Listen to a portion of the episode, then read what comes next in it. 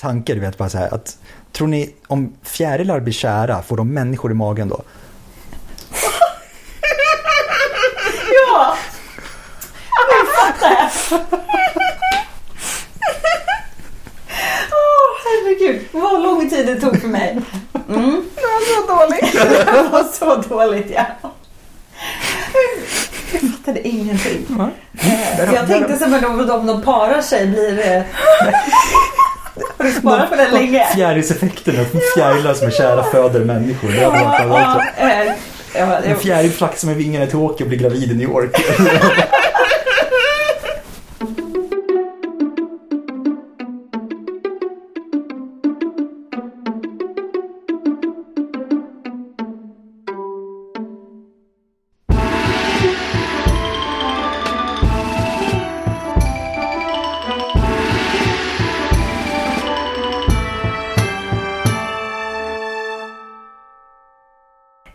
välkomna till Podius Castus, en podd om antiken. Vi som spelar in idag är jag, Angelica. Jag, Hanna. Och jag, Adam. Och dagens avsnitt kommer att handla om pesten i Aten år 430 före vår tidräkning. Och det känns ju ganska lämpligt eftersom att vi själva just nu befinner oss i en pandemi med vår vän, eller icke-vän, Corona. Ehm, Och vi har valt pesten i Aten för att det är ett väldigt väldokumenterad farsot som plågar Aten. Det fanns ju och har funnits jättemånga epidemier och pandemier genom historien men den här är väldigt väldokumenterad. Och vi försöker inte göra någon jämförelse mellan pesten i Aten och corona idag. Utan det här är bara ett väldigt intressant ämne som vi tänkte prata lite mer om. Och du Adam kan väl ge oss lite bakgrund? Ja, eh, jag ska i alla fall försöka. Jag tänkte försöka ge oss en, en liten bakgrund som sagt var till det Peloponnesiska kriget. För det, det är där vi rör oss i tid, tidmässigt då. Och där jag vill börja, jag vill börja vid perserkrigens slut ändå för att liksom sätta, sätta tonen och sätta stämningen lite grann för den, den tid vi befinner oss i. Så att vi börjar år 479 före vår tideräkning. Ska vi kanske lägga till det också och säga att alla år vi kommer prata om, de är före, Före, vår tideräkning. Det här året så har perserna blivit besegrade vid Platea så att Xerxes invasion av Grekland den är över. Året innan så har de blivit besegrade vid Salamis utav den ja, kombinerade grekiska, den kombi, vet det, allierade grekiska flottan ska man kunna kalla det för. Ledd av Aten bland annat. Och det som blir då efter det här, så att säga, inte kanske vakuumet som perserna lämnar efter sig just där. Det är liksom, det finns en allians av grekiska stadsstater som har bildats för att ja, stå emot perserna. Och de två främsta stadsstaterna i den här alliansen, det är då som bekant Aten och Sparta. Och det, det vill ju så, så väl att de här två städerna fortsätter ju sin enorma rivalitet efter att perserkrigen är över. Det handlar om vem som ska vara störst, vem som ska vara starkast bland de grekiska stadsstaterna. Och vi har ju Sparta då i täten för sitt Peloponnesiska förbund. Eh, den Peloponnesiska halvön som, de, som Sparta ligger på. Och där också deras maktbas finns, deras allierade, deras allierade städer. Och Aten de tar ledarposition i den här alliansen som har bildats mot perserna. Så att det är Aten som fortsätter bekämpa perserna med, genom räder till havs till exempel. Och det är den här alliansen som sen utvecklas till Atens eget förbund, Deliska förbundet, med basen på den heliga ön Delos i Egeiska havet. Och om man säger bara ett par årtionden efter att perserna besegrats då vid Platea 479 så börjar saker komma till sin spets igen. Eh, och det är så att den här fortfarande unga demokratin i Aten den har liksom börjat svänga mot att det enda sättet, det är så, i alla fall så man tänker, att det enda sättet att garantera sin överlevnad på det är att stoppa Sparta. Det är alltså så man tänker i Aten? Ja, mm. exakt. Det är så de, sagt, den demokratiska, de demokratiska tankarna, om man säger, mm, i, i den unga demokratin. För att Sparta, de ser ju liksom sin chans att, jag menar, för att stoppa Aten så ska man försöka att influera antidemokratiska makter i staden då, som kan bilda en oligarki istället och då tänkas vara mycket mer välvilliga mot den spartanska, eh, den spartanska oligarkin. Atenarna, de tänker då som sagt att vi måste stoppa Sparta, vi måste bryta det Peloponnesiska förbundet för det är basen för Spartas makt. Så att det atenarna tänker att ja, men vi måste tvinga över Korint till vår sida. Och Korint det är då staden som ligger precis, ja, precis vid näset som förbinder Peloponnesiska halvön med det grekiska ja, övriga fastlandet, precis vid Attika där Aten ligger. Korint är också en av Spartas viktigaste allierade och är liksom, ja, det är liksom en fjäder i hatten om atenarna skulle få över det till, till, sin, till sitt förbund istället för Spartas förbund. Det här är det första Peloponnesiska kriget som bryter, som bryter ut. Och det här första kriget, det är en långdragen historia, eh, pågår i nästan 20 år. Ett sorts kallt krig. Eh, det är liksom utkämpas mellan olika medlemmar av respektive förbund med Aten och Sparta som någon typ av liksom puppet master. Eh, som sitter och liksom drar i trådarna lite grann. Kriget leder inte fram till någonting, utan det slutar i ett fredsavtal mellan de båda förbunden. Men motsättningarna finns ju kvar. För att ingen av dem har ju lyckats få total kontroll på något sätt. Utan det är liksom, ja, tävlingen finns kvar däremellan, eh, däremellan dem. Droppen för liksom det som sen ska komma skall, det stora utav de stora, alltså konflikternas konflikt under, under den här tiden. Det är hur Aten behandlar Megara. Och Megara det är en, en stadsstat som är medlem av det Peloponnesiska förbundet en väldigt viktig allierad till Sparta i och med att de har en position väldigt nära Aten. I, ja, väldigt nära Attika, där Aten finns. Aten de har etablerat ett handelsembargo mot Megara. Och det här har de gjort för att några utav Megaras medborgare ska ha gjort intrång på helig mark tillhörande gudinnan Demeter. Och det här var ju en big no-no, det här fick man inte göra. Så att då var det stopp för all handel för alla som var affilierade med staden Megara ehm, och i då med medlemmar av det Peloponnesiska, eller inte Peloponnesiska, det Deliska förbundet. Precis som många andra stadsstater så var Megara beroende av en import av eh, spannmål till exempel för att mätta sin befolkning. Så att det här handelsembargot det blir en total katastrof. Och Sparta kan inte riskera att Megara överger det Peloponnesiska förbundet, de är en så pass viktig allierad. Så att spartanerna de säger så här att ja, men, häv det här embargot Annars så kommer vi förklara krig mot, mot er, till Aten då. Aten, de, väg, de, atenarna vägrar och Sparta röstar för att förklara krig och det andra Peloponnesiska kriget är igång 431. Mm. Så nu är vi alltså framme vid eh, det vi ska prata om idag, alltså den atenska pesten som bryter ut. Och Adam har ju precis förklarat vad, vad som har lett upp till det här. Eh, Sparta har förklarat krig mot Aten. Eh, och Sparta och Aten, om vi nu håller oss till de två, eh, när vi pratar om de här två grupperingarna så håller vi oss till de två.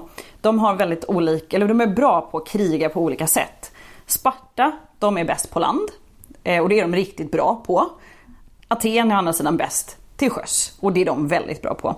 Så Aten vill ju flytta över det här eh, kriget som är liksom på väg att dra igång från att eh, utspela sig på land till att utspelas till sjöss där de har mycket, mycket bättre förutsättningar.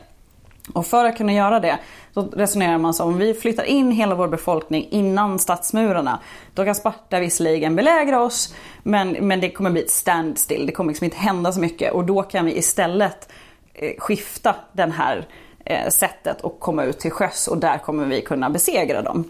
Eh, och det låter ganska smart. Det är Perikles eh, som vi har hört talas om innan. Som knäcker den här idén. Och det är väl, ja, strategiskt är det ju smart. Men det här kommer ju bli, starta det som vi känner till som den atenska pesten. Och då pratar vi alltså om att Aten som, som stat har en, en urban kärna med en stadsmur men sen fanns ju en del av den här befolkningen var ju utspritt över Attika, alltså området med lantbrukare och lite mindre, vad ska man kalla byar utanför. Mm. Alla de här ska flyttas in. Det är en enorm maskineri att bara få in alla de här människorna. Och staden Aten, alltså stadskärnan, den är inte byggd för att husera alla de här personerna. Alla kan ju inte vara speciellt glada över att flytta in heller och lämna sin gård och sin mark och, och så vidare. Eh, och Aten är vid den här tidpunkten en befolkningsmässigt väldigt, väldigt, väldigt stor stad. Mycket, mycket större än de andra stadsstaterna i Grekland. De har upp till, är det 25 000? Ja, medborgare. Medborgare, ja. Och sen finns det ju folk utöver medborgarna.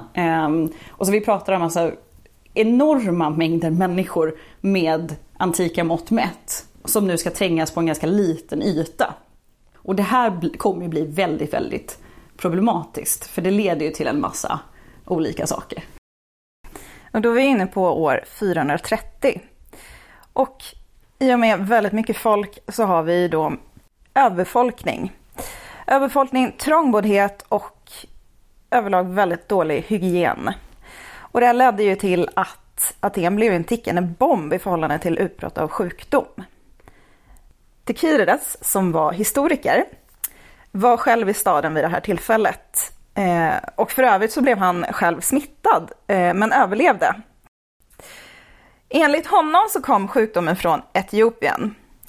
Och det är inte nödvändigtvis motsvarande den moderna staten Etiopien, utan snarare grekernas namn på Afrika söder om Egypten.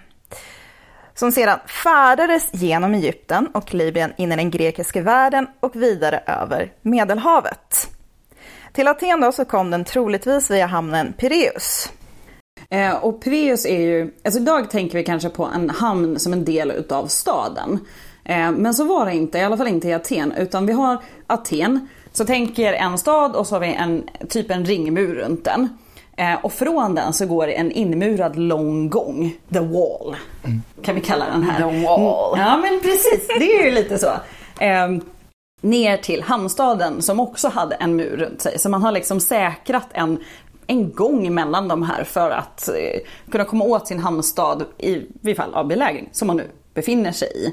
Ja precis, för Sparta är ju precis utanför myrarna. Precis, så att in i själva staden Aten kommer man ju inte ut och in just nu för där är ju spartanerna och eh, säga, sitter och rör tummarna. Lever, lever rövare kanske? De lever rövare Ja. snarare. Men det finns ju då en koppling fortfarande mellan Pireus, hamnstaden och Aten. Och när alla de här folken, som vi, eller alla de här människorna som bodde ute i Attika skulle flytta in i Aten, ja vad tar de vägen? Ja, bland annat i den här långa gången mellan hamnstaden och Aten. Så då har vi liksom en direktkedja av människor från hamnen in till Aten. Så när smittan väl kom, om det nu kom den här vägen, men om vi, om vi, om vi tror att Tukydides har rätt här i sin teori, så från att den kommer till hamnen så pratar vi om några dagar tills den har spritt sig in i Aten. Eh, ni kan tänka er som en, en lång kedja av människor där som bara för den här vidare. Eh, och det var ju inte jättebra om man tänker ur smittskyddsperspektiv. Det är ingenting Tegnell hade höjt eh, satt tummen upp på direkt. Te- Technelicles i hans, hans, hans motsvarighet i antika Aten var, var, han var inte glad. När Han var inte glad. När han Eh, avlade rapport till Perikles som sagt var och berättade att nej det här är inte bra. Nej. Det här med social distansering är liksom inte lätt ehm, att åstadkomma. Nej, Det- det, det, det vet vi idag. Det är inte lätt att åta, men, men också så här, man hade ju inte riktigt de begreppen heller. Nej. Man hade en idé om att sjukdomen spreds via eh, alltså kontaminering alltså mellan människor. Det, det någonstans börjar man förstå. Men eh, man hade ju inte forskning på det sättet. Man kunde inte göra simulationer och se av en nysning hur många partiklar försvinner då. Eller om jag eh, kramar dig eller om vi hång... Alltså man hade ju inte den typen av information. Nej. Så att läkarna i Aten de, var ju, de stod ju helt handfallna. Vad, vad gör man åt det här då? Ja men precis. Och Tukydides när han beskriver sjukdomen så Alltså, han beskriver den ju som liksom, det är nästan domedagsstämning överlag. Men han beskriver den särskilt som att den, den liksom, det finns ingenting att jämföra med. De har inte upplevt någonting tidigare som har varit på den här nivån. Och som sagt var, läkarna beskriver han som dels helt hjälplösa och dels de mest utsatta. För att det är de som har mest kontakt med de sjuka som går åt. Den, den sprids i som person till person kontakt. Så att det är liksom, försöker man att hjälpa någon så menar, då smittas du själv. Och det är en fruktansvärt hög dödlighet på den. Och nu pratar vi precis i, i början här för att det kommer ju komma till eh, den punkten när man, man slutar träffa folk som är sjuka.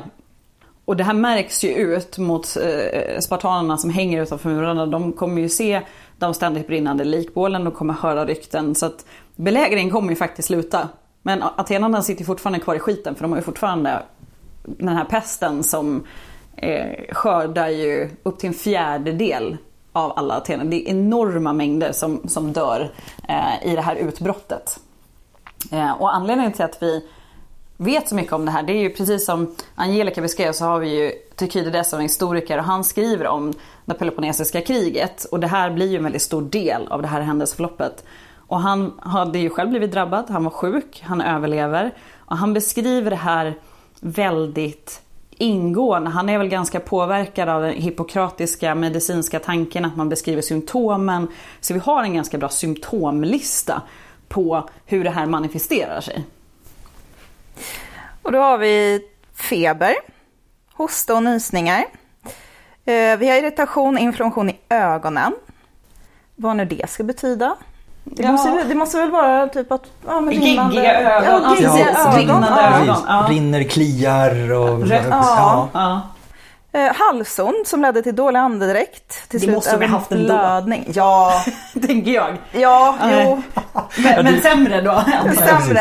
Det hjälper ju inte att man blöder ur halsen direkt liksom, för andedräktens skull. Det tror jag inte. Eh, Man tappade även rösten. Eh, kräkningar och diarré. Eh, utslag, eh, varbölder på kroppen. Även insomnia. Troligtvis som en konsekvens av det andra kan vi väl sluta oss till. Och även, tror jag eh, lunginflammation. Ja, Så det, det, liksom, det går ju lite uppifrån och ner. och det är precis det som han beskriver också. Ja. Att det börjar i huvudet och sen jobbar den sig liksom ner genom kroppen och liksom, ja, sprider sig på det sättet. Och nu är ju inte någon av oss här läkare eller virologer eller så. Men, men det, det låter ju ändå om man tänker sig hur man själv blir sjuk om man får en förkylning eller någonting. Oftast börjar man ka- kanske få lite känningar, man känner sig mosig, man får lite feber. Och sen börjar fler och fler symptom manifestera sig. Och till exempel lunginflammation, det får du ju inte direkt. Det, det jobbar sig ner i lungorna och så hamnar det där. Så att jag tror att det, det anses väl som en ganska bra beskrivning av symptomen, de han har. liksom. Han är ju väldigt utförlig om inte annat. Ja, han är Och- väldigt utförlig och han har ju inte, det är inga konstiga symptom han beskriver i sig. Nej, Liksom. absolut inte. Och det är, väl liksom, det är ganska självklart i och med att han, han själv har haft dem också. Mm. Man kan tänka sig att det han beskriver är väl liksom dels det som han själv upplevde och dels, han måste ju ha observerat väldigt många sjuka. Ja, verkligen. Och i och med att han då själv överlever så har han ju antikroppar så han kommer ju säkert ha haft möjlighet att just bevittna mer än Mm. vad kanske andra gjorde. Som de, de som väl kunde hålla sig undan andra människor. Det var ganska få som Precis. hade den möjligheten. Ja, för det kommer vi till senare också. Att han, han skriver det att man, de som har haft det och tillfrisknat, de kände sig ju dels alltså, så pass, så pass jag menar, eh, förstärkta utav liksom, att vets, vetskapen om att de har överlevt, att de kände sig nästan odödliga. Och också de som var mest sympatiska att hjälpa andra, för att de visste vad det innebar. Liksom. Um, tänkte också, det är som just när han beskriver liksom symptomen så känns det som att det är, det är febern han lägger nästan störst vikt vid. Att det är den som på något sätt är liksom kronan på verket lite grann, att den är så fruktansvärt extrem. Han, skriver, han skriver det liksom i sin passage att Alltså, man, ingen ville ens ha kläder på sig, inte en liksom minsta linnedräkt. Var liksom, det, var för mycket, allt var för mycket. Ja. Och helst av allt ville man liksom bara slänga sig i kallt vatten. Och man blev också så törstig så man Ja. ville... le- Ja. Och vi kan ju också tänka sig att eh, många som levde i Aten, det var kanske inte en väldigt frisk population överlag från början. Ehm, det var säkert många som var undernärda, ehm, man kanske inte hade den mest varierade kosten. Och då lägga på alla de här trångboddheten, den dåliga hygienen, att man det fanns ju en handsprit. Ehm, det, är liksom... Det, här måste ju vara en sjukdoms eh, stora liksom, paradis. Det måste ju vara hur kul som helst att vara en sjukdom i det här läget och bara yes, här har vi det. För vi, jag vet inte om vi, om vi sa det, men just i det, som de här långa murarna som går mellan, mellan Pireus och själva Aten, då, själva staden. Det finns ju liksom ingen bebyggelse däremellan. Utan de som, de som kläms in där, jag menar flyktingarna från landsbygden till exempel, de får ju liksom bo i, i ruckel. Det, är så det, som, det som, där de får plats får de liksom bara klämma in sig. Så att det finns ju liksom ingen ordentlig... Det är som en kåkstad. Ja men precis, och det finns liksom ingen ordentlig infrastruktur att ta hand om de här extra det här extra. Nej, så att det blir ju liksom, som sagt var en verklig grogrund bara för att så fort någonting bryter ut, då bryter det ut ordentligt. Ja. Eh, Då kan man ju fråga sig, vad var det för sjukdom som eh, de råkade ut för? Det är ju någonting som historiker ganska länge har försökt identifiera. Då. Traditionellt sett så har det väl sett som eh, ett utbrott av böldpest av något slag. Men det finns även forskare som har eh, pekat på kanske tyfus, smittkoppor, mässling och toxiskt chocksyndrom. Man har också föreslagit ebola eller liknande eh, sjukdomar som ebolan. Och det, det man dels baserat på likheter i beskrivningar av utbrottet med moderna utbrott som man har kunnat observera. Och att, att Tukydides säger att det här kommer från Afrika. Men det är ju alltså uppemot finns väl ett 30-tal olika förslag på vad det här skulle kunna vara. För att även om Tukydides beskriver symptomen väldigt noggrant och, och, tydligt. Det är liksom inte så mycket luddhet så finns det liksom inte en sjukdom man kan peka på som fyll, liksom prickar i alla de här kategorierna. Nej, och även så att sjukdomar ändras ju över tid. Precis.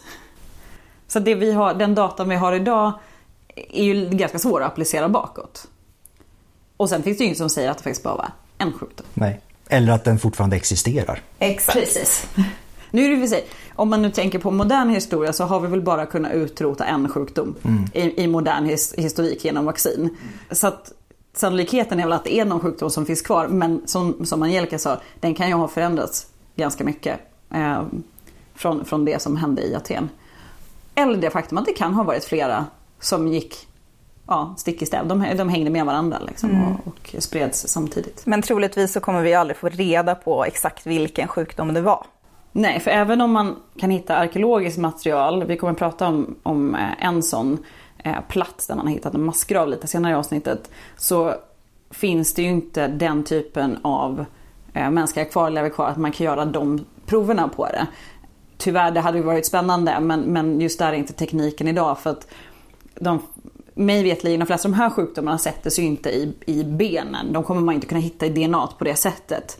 Eh, utan du kanske behöver mer av ett färskt lik och det har vi ju verkligen inte kvar idag. Det är lite för länge sedan. Det är lite för länge sedan, det har gått lite för många år. Vi har ju den här befolkningsökningen också och den ställer ju till det ytterligare.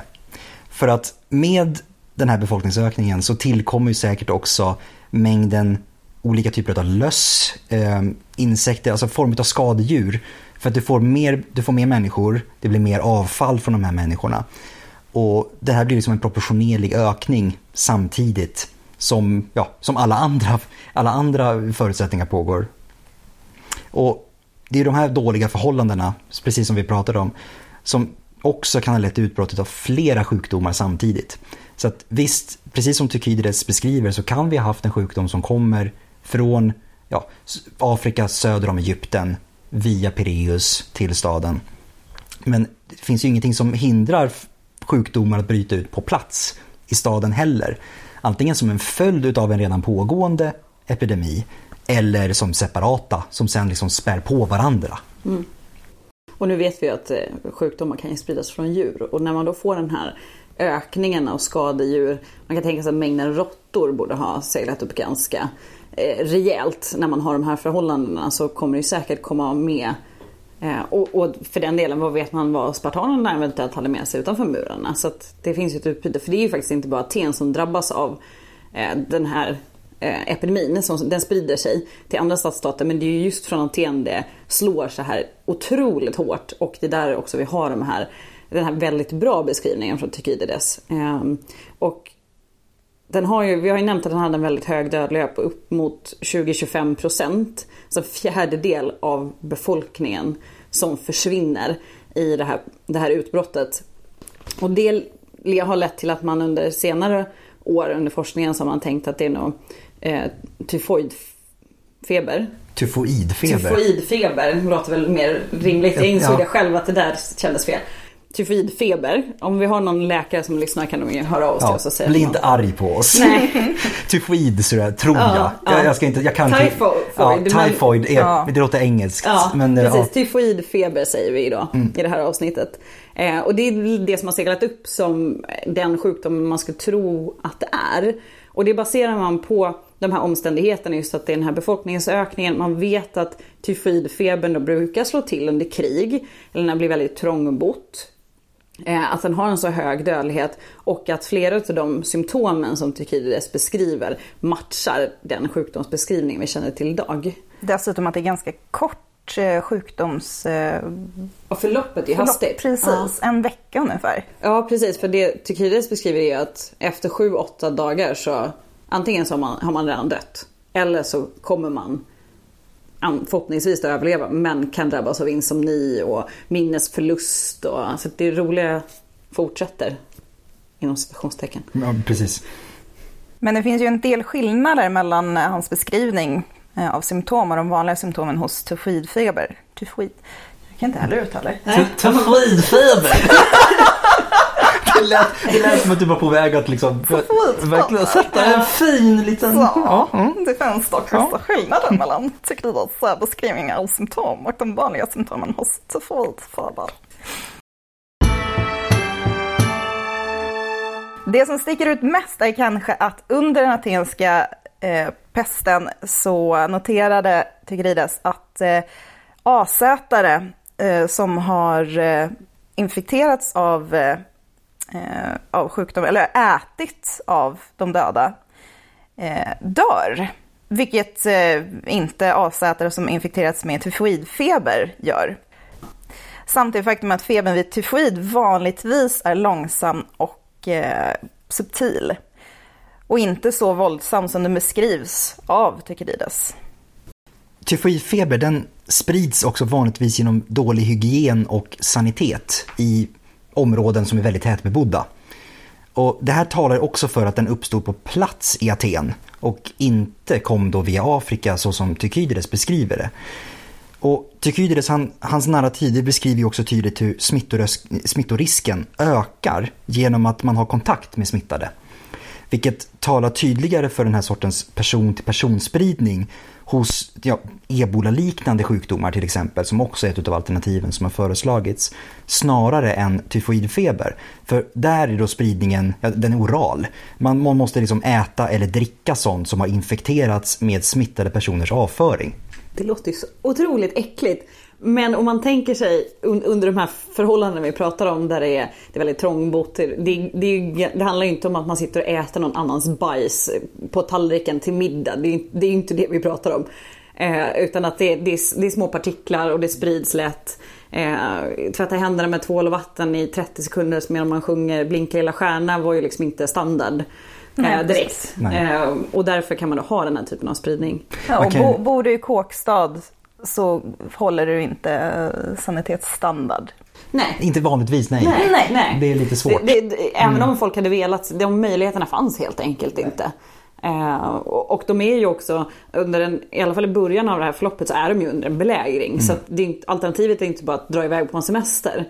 Eh, så att de har ju liksom väldigt tuffa förhållanden under den här, hela det här förloppet. Som, Och det som måste man komma ihåg att omständigheterna är som sagt var exceptionella. Ja. För det är, liksom, det är en krigssituation vi befinner oss i. Det är Ja. liksom, det det är inte, man kan liksom inte bara släppa allt utan det är, det är verkligen skarpt läge på ett helt annat sätt. Och, och det som är en vanlig strategi un, under en krigsperiod det är också att man förstör åkrar när man är ute. Så man kan ju gott tänka sig att det är ju en av taktikerna spartanerna använt. Så att även om man i Aten bestämmer sig nej nu öppnar vi murarna och nu drar vi ut. Så det kanske inte att det finns någonting ut kvar att det finns inga hus som står kvar hur som helst. Det finns inget, det finns inget mer spannmål där. Eh, så, så att det är liksom, de har ju en, en situation som gör att de har kanske inte så mycket val.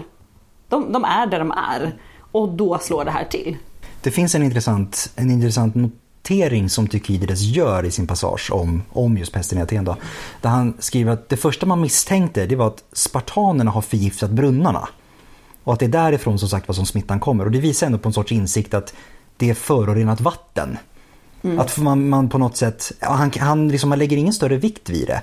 Men när man, när man läser det så tänker man att, ja men okej, tänkte de någonsin någon gång att personer som har druckit ur de här brunnarna, de blir smittade? Att man liksom har gjort den kopplingen fast kanske inte hela vägen. Och att det då talar som sagt var just för den här förhållandena med tyfoidfeber. Att just det här liksom att, jag menar tänker sig att avloppsvattnet kanske inte har letts bort utan det har samlat på samma ställe som man sen hämtar sitt dricksvatten ifrån.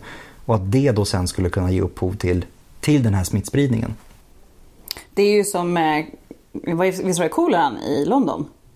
Ja det kanske det är. Ja, det var ju, det är faktiskt en, avstickare, en ganska intressant historia att man eh, började, det var mitten på 1800-talet i London så började man eh, nu kommer jag inte ihåg vad han heter, men eh, man börjar spåra olika brunnar som då är smittad med kolera och så kan man göra, det är då man börjar förstå den här typen av spridning. Man liksom verkligen sätter man ritar kartor över de här förorenande brunnarna. Och det tänket finns ju då redan hos Tykidides. Eh, däremot så den, den statsapparaten eller möjligheterna fanns kanske inte att så här, nu går vi och rödmarkerar den här brunnen så ingen dricka ur den för då dör folk av eh, uttorkning istället. Och det är som sagt det, man kanske inte heller fick så mycket möjligheten för att den slog till så pass hårt att man inte fick så liksom, man, man fick ingen tid att jobba preventivt utan det var liksom för sent redan när, det, när den slog till. Och som vi nämnde var det ganska snabbt Eh, förlopp. Vi pratar om en vecka och sen har man de flesta som drabbats, eller väldigt många har i alla fall gått bort. Eh, så att vi pratar om ett sjukdomsförlopp både på ett personligt plan och sen på ett samhälleligt plan som är väldigt hastigt vilket gör ju att man blir kanske tagna lite på sängen också. Ehm, så vi har egentligen två möjliga scenarier man kan utgå ifrån. Och det är antingen det här som jag pratade om att smittan kommer utifrån. Ehm, och då kanske man tänker sig att det är det här, en, en, något ebola-liknande virus som, som kommer upp via Afrika eh, och sprider sig vidare. Eh, eller att man har det här scenariot där det inte kommer utifrån utan det uppstår i staden på grund av de här olika förhållandena man har hamnat i. Eller en blandning Mm. därav. Eh, Det ena utesluter ju faktiskt inte det andra. Nej. Man skulle ju som sagt kunna tänka sig ett scenario där båda faktiskt finns samtidigt. Ja, att de har sån jäkla dålig tur. Ja. eh, Att de och, slår till. och båda liksom spär på varandra. Att den ena orsak, dels är som spär på de dåliga sanitära förhållandena som i sin tur spär på den andra och så blir det bara en evig evighet. cirkel. Ja men precis. Ska vi hoppa fram lite i tiden då? Det tycker jag. Då tar vi 94-95. Ganska lång tid. Det var ett fruktansvärt hopp. Ja, det var ett fruktansvärt hopp. Och då pratar vi 1994-1995. Alltså När vi levde. när vi levde, vi levde då helt Ja. enkelt. Jag tänker inte säga hur gammal jag var. Det behöver ingen veta. Eh, Vi men fanns. Vi fanns. Kan vi, vi, fan, vi existerade. Så mellan 1994 och 1995 så grävde arkeologer i en massgrav strax utanför antika Atens traditionella begravningsplats. Eh, och det är då Karameikos. Den här massgraven är daterad till mellan 430-420-talet och då snackar vi före vår tidräkning då. Eh, och innehöll spår från omkring 240 eh, individer. Eh, och det som är spännande är att offergåvor hade lämnats. Och det var offergåvor i form av eh, kärl, vardagliga, relativt billiga, alla daterade till eh, 400-talets andra hälft. Och kropparna hade då placerats i den här eh, massgraven under bara någon dags intervall. Och eh, allt det här pekar ju på att den här begravningen har ju skett i ren panik. Eh, troligen på grund av, eller som resultat av en epidemi. Man ville helt enkelt eh, bli av med kropparna på snabbast möjliga sätt. För i normala fall så, så har man ju den här traditionen. Det är ganska viktigt att begrava sina nära och kära på rätt sätt. Det är ju bland annat någonting man, om man ska eh, få ett högt ämbete så utfrågar man. Så har, var är dina föräldrar begravda? Du ska veta, du ska, du ska ha skött din plikt. Och då har man ju, eh, man bränner ju oftast kropparna. Och sen efter att det här begravningsbålet har slocknat så ska man ju samla ihop benen. Och det här kanske någon av er vet. Eh, för den här massgraven, där har man ju dumpat kroppar mer än att man faktiskt har bränt dem. Och det är ju en sån här tydlig skillnad mot hur det brukar vara. Och det är, det är därför det är så tydligt att det här har ju skett under någon typ av exceptionella omständigheter. Eh, Så det här är faktiskt ett fall där arkeologin bekräftar de skriftliga källorna vi har. För alltså bara en, bara en massgrav är ju liksom inte riktigt standard på något sätt. Nej, det är inte Nej. normalt. Visst, det finns, det finns familjegravar och liknande men där är det liksom, det är separata begravningskärl eller askurnor eller vad man Precis. nu har för någonting för varje individ. Det är ju inte det att du har dumpat allt i samma hö, alltså allt i samma Nej. grop. Liksom. Så här är det verkligen att man, man har jobbat i Ja, man har bara släppt på allt vad tradition heter Ja. för att omständigheterna är så pass exceptionella. Och det tyder ju på både att man har en väldigt stor mängd döda på en väldigt kort tid. Eh, för att jag menar, ha ett begravningsbål det kräver ganska mycket material. Eh, Men också att man kanske in, har insett, eller man har insett den här korrelationen mellan smittad att bli smittad. Alltså man, man behöver göra sig av med de här kropparna väldigt, väldigt snabbt. Man kan inte hålla på de här traditionerna för det är risk att fler smittas. Och, och det tyder ju också på att det måste ha varit en, eh, en väldigt panikartad stämning för de som eh, var i Aten. Eh, det kan ju inte ha varit speciellt lätt att hantera Nej. det här. Men jag ändå tycker det är väldigt fint där med att det ändå finns gravgåvor. Ja, så folk kan ju, det, det är ju faktiskt någons eh, mamma, pappa, barn, bror, syster, vän som har gått bort. Det är inte bara det är, inte, det är ju faktiskt inte bara en hög med lik utan det är ju som du säger att folk kan ändå, även om det har varit billiga gravgåvor i förhållande till vad det kanske brukar vara, så har folk faktiskt ändå ansträngt sig. Eh, det betyder ju att någon har varit på plats när den här begravningen har skett. Även om det var i all hast. Verkligen. Och som sagt var, det är, det, det är lätt att se liksom, jag menar nu i efterhand, jag menar två, skelettdelar från 240 individer, men för dem är det ju helt annat såklart. Det är ju 240 livshistorier som ligger där och 240 släktingar som sagt var. Till någon som troligtvis har varit med vid, vid just det här liksom också, men som vi säger, just det här att man har ändå bemödat sig att vet du, lägga med offergåvor eller votivgåvor eller vad man nu vill kalla det i graven. Ehm, det är, som sagt det pekar ändå på att det, man har ändå inte släppt på allt. Utan det, man försöker så gott man kan under, under omständigheterna.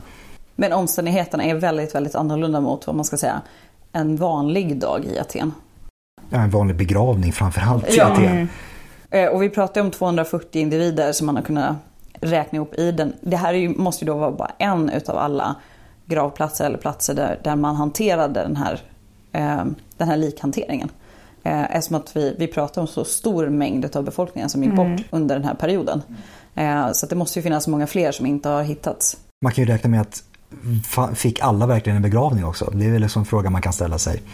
Antagligen inte. Ehm, och, och det i sin tur måste ju ha lett till en stor smittspridning. Får man inte göra sig av med de avlidna som bär på smittan så kan ju det leda till ökad smittspridning. Så att det blir ju någon ond cirkel även i det här. Precis. Ehm, Ska vi gå vidare lite grann och prata om, för Tykidides han beskriver ju inte bara sjukdomsförloppet utan han beskriver ju också hur, jag menar, hur pesten påverkar just livet. Eller det som, i alla fall det som, för de som i alla fall överlever eller de som, de som existerar runt. Och det eh, här, det, här, det gör ju att hans eh, beskrivning är ju på ett sätt så fantastisk. För att vi har ju hans beskrivning av det som händer innan, alltså upprinnelsen till kriget. Och beskrivningen av symptomen. Och vi har också det här psykologiska, liksom medmänskliga perspektivet på det. Hur den här paniken, stämningen av panik. Och hjälplöshet. Mycket hjälplöshet. Eh, han förfäras ganska mycket över hur de här traditionerna överges. Som vi pratade om, till exempel gravningstraditionerna. Eh, att man, lite den här tanken att ja, man kanske dör imorgon så varför ska jag bry mig idag? Precis. Han beskriver det som hur folk, jag menar, han, han förfäras över att folk slutar följa lagen till exempel. För att de, de dels känner de att men vi lever redan under ett dödsstraff. Vi, kan, vi kan smittas och dö lite när som, nästan känns det som. Och tänker liksom att, ja men, han, han beskriver också att vissa tänker att ja, men, jag kommer ändå inte hinna ställas till svars för det jag gör. För att all, dels kan som sagt vara de som, de som ska ställa mig till svars som sagt var smittas och dö i, i sjukdomen och dels kan jag gå bort i sjukdomen också. Så att alla liksom, man släpper alla hämningar på något sätt. Det blir en sån här, liksom, nästan så här, jag menar, undergångsstämning på något sätt. Att alla bara gör det man... Det måste ju verkligen ha varit en ungdomsstämning. Ja, verkligen. Eh, ja. Och även det att folk började spendera mer pengar i allt större utsträckning. Jag menar, om du har pengar och tror att du kommer inte leva så himla länge till, varför inte spendera dem? Precis, Var, varför sitta på den där pengahögen? Eh, och just i den här perioden så skiftar ju rikedom händer på ett väldigt ovanligt sätt. För att i och med att så många dör så kan ju en väldigt fattig släkting ha ärvt någon som den egentligen inte, i normala fall inte skulle ärvt. Så att det blir liksom, det händer väldigt, väldigt mycket socialt under den här perioden. Eh, som, som blir liksom, det, blir, det måste ju också varit svårt att hantera för staden som sådan. Och sen kan man tänka sig att när de här då, om man säger relativt fattiga personerna helt plötsligt får ärva massa pengar, då hamnar de i samma situation som de som har pengar. Att nu sitter jag på massa pengar, jag kan smittas och dö när som. nu ska jag spendera de här pengarna, nu ska jag leva med de här pengarna. Eller leva för de här pengarna snarare mm. kanske. Så att det blir liksom det här att allting bara går runt. Det, men det eskalerar Ja, men precis. Ja. ja. Eh, och det vi inte har pratat om det är ju att vi, vi har ju pratat ganska mycket än så länge avsnittet om okej okay, vad kan det ha varit för sjukdom, hur kan den ha kommit, vad är det för eh, naturvetenskapliga förklaringar till det här. Men så tänkte man inte nödvändigtvis under den här perioden utan en utav det väldigt vanliga resonemanget var ju att man, en pest är ju gudarnas sätt att straffa befolkningen. Eller en enskild individ. Alltså du blir sjuk om du inte har varit till, till du har inte tillbett den här guden, du har inte gjort det här. Du, du, du har liksom inte varit tillräckligt moraliskt god. Men den här pesten, den här farsoten, den drabbar alla. Den drabbar rika, den drabbar fattiga, den drabbar gamla, den drabbar unga, den drabbar liksom alla. Goda, dåliga människor, man ska använda de termerna. Vilket också gör att folk struntar i regler. Varför ska jag vara dygdig och god och sköta mig om jag lika gärna kan drabbas som min granne som är en skitstövel? Och det är också någonting som Tykides tar upp att det påverkar moralen i så stor utsträckning. För att man har den här domedagskänslan och den här känslan av total hopplöshet. Gudarna har ju övergivit oss, varför ska vi bry oss? En sorglig sak är ju det att eftersom sjukdomen hade en så hög smittorisk och som vi redan har sagt att de som tog hand om de sjuka var ju de som smittades. Det ledde ju till att väldigt många dog ensamma då ingen ville ta hand om dem för att de inte ville riskera att smittas. Det är ju så, alltså om man börjar tänka på det, det är så otroligt tragiskt. Alltså det handlar inte bara om att, eh, det, liksom, vi, vi har ju pratat siffror, det är liksom inte bara eh, siffror. Eh, det är ju livsöden men också det att om du börjar få feber, du kan ju faktiskt råka ut för någon annan febersjukdom, du blir lämnad ensam. Eh, om du blir så här dålig, kommer du ens få tag på mat? Alltså, du, din, dina chanser att överleva måste ju ha minskat ganska kraftigt bara för att du också blir övergiven av din omgivning. För du har inte möjligheter att till exempel få i vätska. Eh, och det, vilket ju som vi alla vet, det är ju väldigt viktigt om man får i sig näring om man är sjuk för att ens ha en chans för immunsystemet att kunna, eh, immunförsvaret att kunna liksom, kämpa sig igenom det här. Det är också intressant för att alltså, Tykydides han snuddar ju också just vid den här ensamheten som en, en, del, alltså en del i sjukdomsförloppet, att det blir värre. Att blir du lämnad ensam, då liksom din, alltså den här psykologiska delen i liksom att vara ensam utlämnad, att känna sig övergiven, att den bara som sagt nästan gör saken värre. Han, han beskriver det nästan som en, alltså som, som en sån här, vad ska jag säga, motsatsen till förmildrande omständighet. Mm. Eh, om ni förstår vad jag menar, i liksom själva sjukdomsförloppet. Ja men man känner sig dubbelt straffad. Precis. Och man kan ju också tänka sig att, vi har ju pratat om den här massgraven som man grävde ut då, eh, 90, 1994. Det var ju bara en av säkert många massgravar, men också att de här begravningsbålen som var igång. Eh, de flesta av oss har väl förhoppningsvis inte behövt känna den lukten. Eh, men det måste ju också ha varit otroliga förhållanden att, att behöva känna den här lukten, den här röken som spreds genom staden. Det måste ju ha varit så otroligt psykiskt påfrestande på alla nivåer att, att vara i den här staden. Du hade ju heller ingenstans annat att ta vägen. Du var ju fast där. Mm. Och inte, Instängd. Och inte bara lukten utan kan du tänka dig ljudet också. Ja. Det mm. Dels måste det ju ha varit dödstyst i många, alltså vissa längs gator, i gränder, liksom ingen aktivitet på marknadsplatser nästan. Och så liksom dels liksom klagorop och liksom, jag menar, all sorg som uttrycks mm. från mm. släktingar som har förlorat någon. Det måste liksom, alltså ljudkulissen måste ju varit liksom, man förstår ju liksom den här domedagsstämningen som mm. sagt var, alltihopa bara runt omkring. Och som sagt var, allting som bara förvärras också i och med att man vet att man är under belägring dessutom. Mm. Det, är liksom, det, det är ju inte en, en olycka kommer sällan ensam säger man, men här är det ju verkligen så att en olycka verkligen bringat med sig en ännu större olycka. Precis, för man vet att även om man överlever om man skulle överleva sjukdomen så, så ligger man fortfarande i krig. Vad, vad, säger att spartanerna inte kommer att belägra staden och eh, sälja dig som slav eller avrätta dig? Några månader senare. Alltså, så det, det, måste ju ha varit någonting extremt i den här situationen. Och man har ju inte heller de möjligheterna vi har idag med, att inte ringa någon, kan inte skicka, alltså du, du är också väldigt begränsad så ska du verkligen hålla dig inne borta från andra så blir du väldigt begränsad i dina sociala kontakter. Och att inte ha sociala kontakter vet vi idag är, är, kan vara väldigt förödande för psyket också. Så det måste ju ha varit så många olika lager av den här pesten som inte bara är själva sjukdomen som gör att det måste ha varit otroligt tufft. Jag också säga det, vi, vi snuddade vid det förut också, just det man, man känner sig övergiven av gudarna. Eh, alltså templen var ju en av de här främsta platserna där man samlade folk som hade flytt från landsbygden eh, i. Och templen blev överfyllda. Dels alltså personer som, jag menar, man, man lägger ut en liten, något tygstycke på golvet och så får man sova där. Men det blir ju också att templen blir liksom också samlingsplatser för smittade i och med liksom, jag menar, det är tättbefolkat där, alltså innanför byggnaderna också. Ehm, så att de, de fylls ju också av sjuka och döende personer och det blir liksom spöj på också den här att det är gudarnas hus. Mm. Där det också liksom, folk ligger smittade och döende.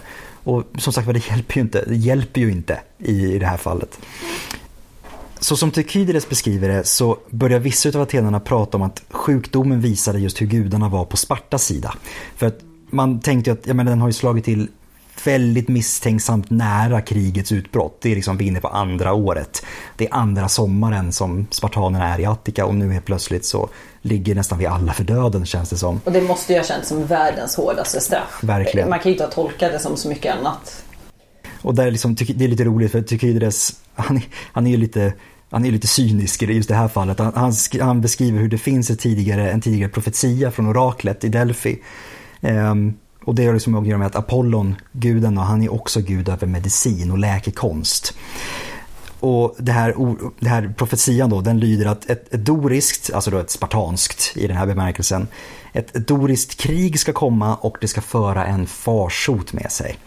Och orden, för, orden som man använder då för farsot är väldigt likt ordet för svält. Och då liksom, det är liksom den diskussionen att Tykydides är lite skeptisk till det här och menar att vissa sa att ja, men, det ska vara en farsot och andra menar att nej, det var en svält som menades. Det var det som egentligen sades. Och Tykydides menar väl att ja, men, de, de bekräftar bara sig själva. De, det är en liksom självuppfyllande profetia att de tar fram det här när det passar. Och säger att ja, men, nu har vi en farsot och då är det såklart det som nämndes. Mm. Och han säger att om det någon gång i framtiden kommer ytterligare ett spartanskt krig och det blir svält samtidigt. Då kommer man peka tillbaka på den här profetian och säga aha, det var en svält. Det var ju precis ja. så som det, det är precis så som det har profeterats om. Och, och ska man nu vara sådär lite tekniska. Efter krig så är det ju inte helt orimligt att tänka sig både en farsot och en svält. Nej. De har ju en tendens att gå hand i hand eh, genom historien. Det, det är ju titta på nästan vilka krig som helst så får man ju humanitära kriser eh, runt omkring. Så det känns som ett lite slarvigt orakelsvar kan jag tycka. Som, som vanligt höll jag på att säga. Som, ja men det är så mycket. Är de inte otroligt tvetydiga ja, allihopa? Det vi, känns vi lite så här... ju, Någon gång kommer vi djupdyka i, i orakel, oraklet i Delphi för det är väldigt spännande. Men ja, de här orakelsvaren är ju lätta att tolka eftersom man vill. Att, uh... Det är liksom Nostradamus-varning på det mesta. Liksom, ja. att det kan funka precis när som och på vad ja. som helst. Och det är ju ändå lite kul att Tykides tar upp det. För det visar också att man eh, liksom, under den perioden själva hade liksom, han, han, är ju inte den enda som har tänkt den tanken att, men vänta här nu. It's a bit too good to be true. Precis, det finns de som går runt och skriker undergång och liksom all, bara får panik som sagt och de som är lite mer skeptiskt hållna till det.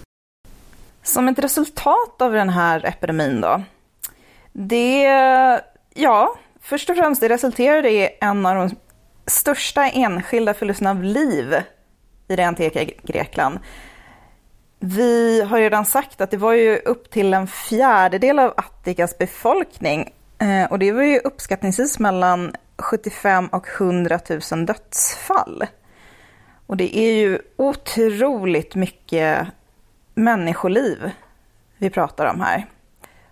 Det ledde ju även till en total härdsmälta i det atenska samhället, som vi redan har tagit upp. Den här moraliska, så att säga, nedgången Sen har vi den här maktbalansen mellan medborgarna som skiftades eh, i och med att väldigt mycket rikedom bytte händer. Eh, väldigt ja, snabb takt, skulle jag vilja påstå. Och eh, ja, utdelat av arv också, från till exempel rikare medborgare till fattigare släktingar. Många av de här kvarvarande atenarna de visade sig vara metoiker som hade förfalskat sina dokument. Eller som hade mutat ämbetsmän då, för att dölja sin ursprungliga status. Status. Statos. Det var väldigt grekiskt. Det är väl väldigt Ja. grekiskt, ja, men det är bra. Ja. Eh, och och eh, för er som inte har lyssnat på vårt avsnitt om eh, demokrati i antiken kanske vi kan förklara med Torke lite snabbt. Adam, vill du? Take it away. Ska vi, precis, eh, metoiker då. Det är då greker bosatta i Aten som inte är atenska medborgare men som bedriver någon form av verksamhet i staden. Typ handelsmän är väl det man närmast eh, anländer till. För det, vi, vi nämnde ju tidigare att man pratar om kanske 25 000 medborgare i Aten och då är det alltså manliga medborgare. Eh, men flera hundratusen personer som bor i Aten och i området Attika för det är då metojker och slavar och kvinnor och barn. Så att befolkningen är mycket större än antalet medborgare. Det här kan vara lite rörigt om man till exempel läser artiklar och så. Och det är fullt förståeligt att det är rörigt. Men som Angelica nämnde, det var ju en fjärdedel av befolkningen som gick bort. Det är en enorm summa, eller siffra, människoliv som har försvunnit. Det är inte konstigt att det blir en härdsmälta i systemet. När viktiga personer har försvunnit, arbetskraft har försvunnit, folk är eh, uppgivna, antagligen deprimerade. Det är liksom det blir väldigt svårt för samhället att återhämta sig. Verkligen. Och som sagt var också mot, i bakgrund mot det, det läge man befinner sig i. Vilka är det som ror på skeppen? Jo, det är medborgarna. Och om helt plötsligt var fjärde person försvinner så kan ju rent tekniskt sett också liksom var fjärde medborgare försvinna. Och det blir genast väldigt mycket färre människor att bemanna skeppen. Det blir väldigt mycket svårare att på något sätt stå upp mot Sparta och det Peloponnesiska förbundet i och med det här också. Så att de långtgående konsekvenserna Vi vet inte vad det där beror på. Så att de hoppas det där hörs på ljudet för det är helt bisarrt. Ja, det det- är helt bisarrt. Ja. Ber om ursäkt för det om ni hörde det där ljudet. Det är rören i den här byggnaden. Vi låter det där vara kvar tycker jag. För det Ja. är bara, bara för det som förstår. om- Jag blev ju rädd när det lät. Så Jag, det, jag bor ju ändå här och varenda Ja. gång det händer så flyger jag ju typ i taket. Det är helt sanslöst. Skeppen ska bemannas som sagt var. Efter, den där, efter det där ljudet i rören så ska skeppen fortfarande bemannas. Och det blir svårt för att det är ju inte så många som det, det var, de är inte så många längre som de var en gång i tiden. Nu, nu talar vi om de eh, bokstavliga fysiska skeppen Ja. som ska ut i krig. Men även de mer bildliga skeppen i att, att sköta hela den, des- den stadsstaten vi pratar om. Det demokratiska skeppet. Ja, för det här får ju, man kan också tänka sig att även de som har varit sjuka och, och klarat sig genom sjukdomen att det, det är ju säkert folk som har men. Eh, vi pratar om att samhället är, har inte varit rustat för det, man har svårt att ta hand om det här så det kommer ju vara konsekvenser som hänger kvar väldigt länge. Och det här, det här, atenarna släpper ju inte det här ur sitt, ur sitt kollektiva minne. Det kommer ju hänga kvar väldigt, väldigt länge. Eh, den här pesten. Det är kollektivt trauma. Ja, det är ett kollektivt trauma, absolut. Och det är liksom, just om vi är inne på liksom just demokratin och liksom politiska konsekvenser. Så just det här liksom Metoiker-skandalen, ska vi kalla det det? Ja, men jag tycker det. Metoiker-skandalen. Att som sagt var Metoiker som vi sa förfalskar sin status. Att liksom låtsas vara medborgare för att få, få ytterligare eh, fördelar i, i staten. Rättigheter. Ja men precis. Eh, Så att det här leder till att ja, dels de här metojkerna som blir påkomna med det här, de, sål- de säljs som slavar. Så att de, de förlorar till och med ytterligare status. Det blir ännu värre för dem. Eh, Men det här resulterar liksom också i att det blir striktare lagar kring vem som kan bli en atensk medborgare. Och det här vet ni också som har lyssnat på vårt demokratiavsnitt om just eh, demokratin i Aten. Att det här är en väldig soppa runt just medborgarfrågan och Aten. Ehm, Och liksom bara 20 år innan det här, innan pesten slår till, så har ju Perikles drivit igenom att varje medborgare måste ha två föräldrar som också är eller var medborgare. Så att det som händer nu efter just den här Metoiker, Metoiker-skandalen, Metoiker-skandalen. det är att det, det här är liksom, det tajtas till ytterligare. Att nu kan, liksom inte, nu kan man inte heller bli medborgare utan att ha varit det tidigare hur som helst. Eh, vilket ju sen kommer delvis vara orsaken till att det demokratiska systemet kollapsar. finns helt enkelt inte tillräckligt många medborgare. Och Perikles har vi nämnt lite förbifarten. Han figurerar inte så jättemycket i det här avsnittet. Men han var ju eh, en av de som drev igenom den här strategin att flytta in eh, befolkningen in till Atens murar. Och han själv insjuknar i pesten men klarar sig inte. Så att nu står man också utan sin ledare, eller en utav dem. Och Perikles var ju väldigt populär. I alla fall för det mesta. Får man säga. Ja, Eh, var han. det måste man väl ändå och, säga. Och eh, populär som general. Om man låg i krig. Så att det är så mycket i, för Aten som har kollapsat samtidigt. Det är så många plan som här, den här pesten har slagit till på. Är det för övrigt inte fruktansvärt poetiskt? Att det är Perikles som driver igenom den här strategin att nej men vi ska Ja. hålla oss innanför våra murar. Och det är det som troligtvis leder fram till att utbrottet blir så, Så allvarligt fall. som Ja. det blir.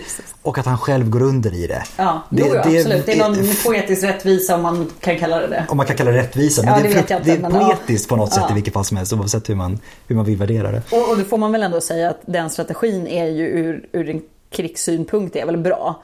Eh, det är ju bara att det, det är så otroligt dålig timing. För vi nämnde ju att det är andra, många andra stadsstater i Grekland som drabbas av vad vi, eller moderna historiker tror är samma sjukdom, eller en av dem i alla fall. Eh, men inte alls på den här nivån. Och Aten är ju också som vi sa en väldigt stor eh, stadsstat så att det är också fler, fler människor att, som kan dö och bli smittade. Men, men det gör ju att det, det slår så otroligt hårt där, i förhållande till många andra ställen. Och maktbalansen är ju skiftad för evigt, mer eller mindre efter. När, när kriget inleds så är det Aten som har övertaget. Det är Aten som ska besegras. Det är, Spart- det är Sparta som måste besegra Aten innan de blir om helt och hållet alltså förbisprungna utan att kunna ta, komma ikapp. Så det är Aten som sitter på alla kort när, när det här drar igång. Det är Sparta som känner sig tvingade att invadera Attika för att försöka besegra Aten. Och så händer det här istället. Och det är liksom, jag menar Aten förlorar ju Peloponnesiska kriget till slut. Sparta till slut lyckas med en belägring av Aten och installerar en relativt kortlivad oligarki. Men det är liksom ändå att maktbalansen är för evigt på något sätt befäst. Aten kommer inte längre än så här. Det är liksom höjdpunkten är nådd. Mm. Ja, man kan väl sammanfatta det med att ja, efter närmare 30 år av krig så ja, Aten blev besegrad av Sparta och blev av med platsen som Greklands främsta statsmakt.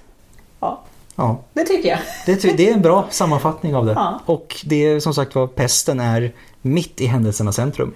Och antagligen en stor del till att, att det slutar som det slutar. I och med att man förlorar så pass mycket, mycket folk. Ja. Helt enkelt. Och om ni har några frågor på det här eller på något annat eller lite kärlek ni vill skicka till oss så kan ni alltid göra det. Vi nås på podiuscastus.gmail.com eller på Instagram där vi heter podiuscastus. Så kan ni alltid gå in och följa eller skicka ett litet meddelande till oss så försöker vi svara. Har ni förslag på avsnitt så inkommer de. Vi har ju hur många ämnen som helst men vi tar gärna emot förslag på vad just du vill lyssna på så ska vi se om vi kan införliva det. Så tack för idag och på återhörande.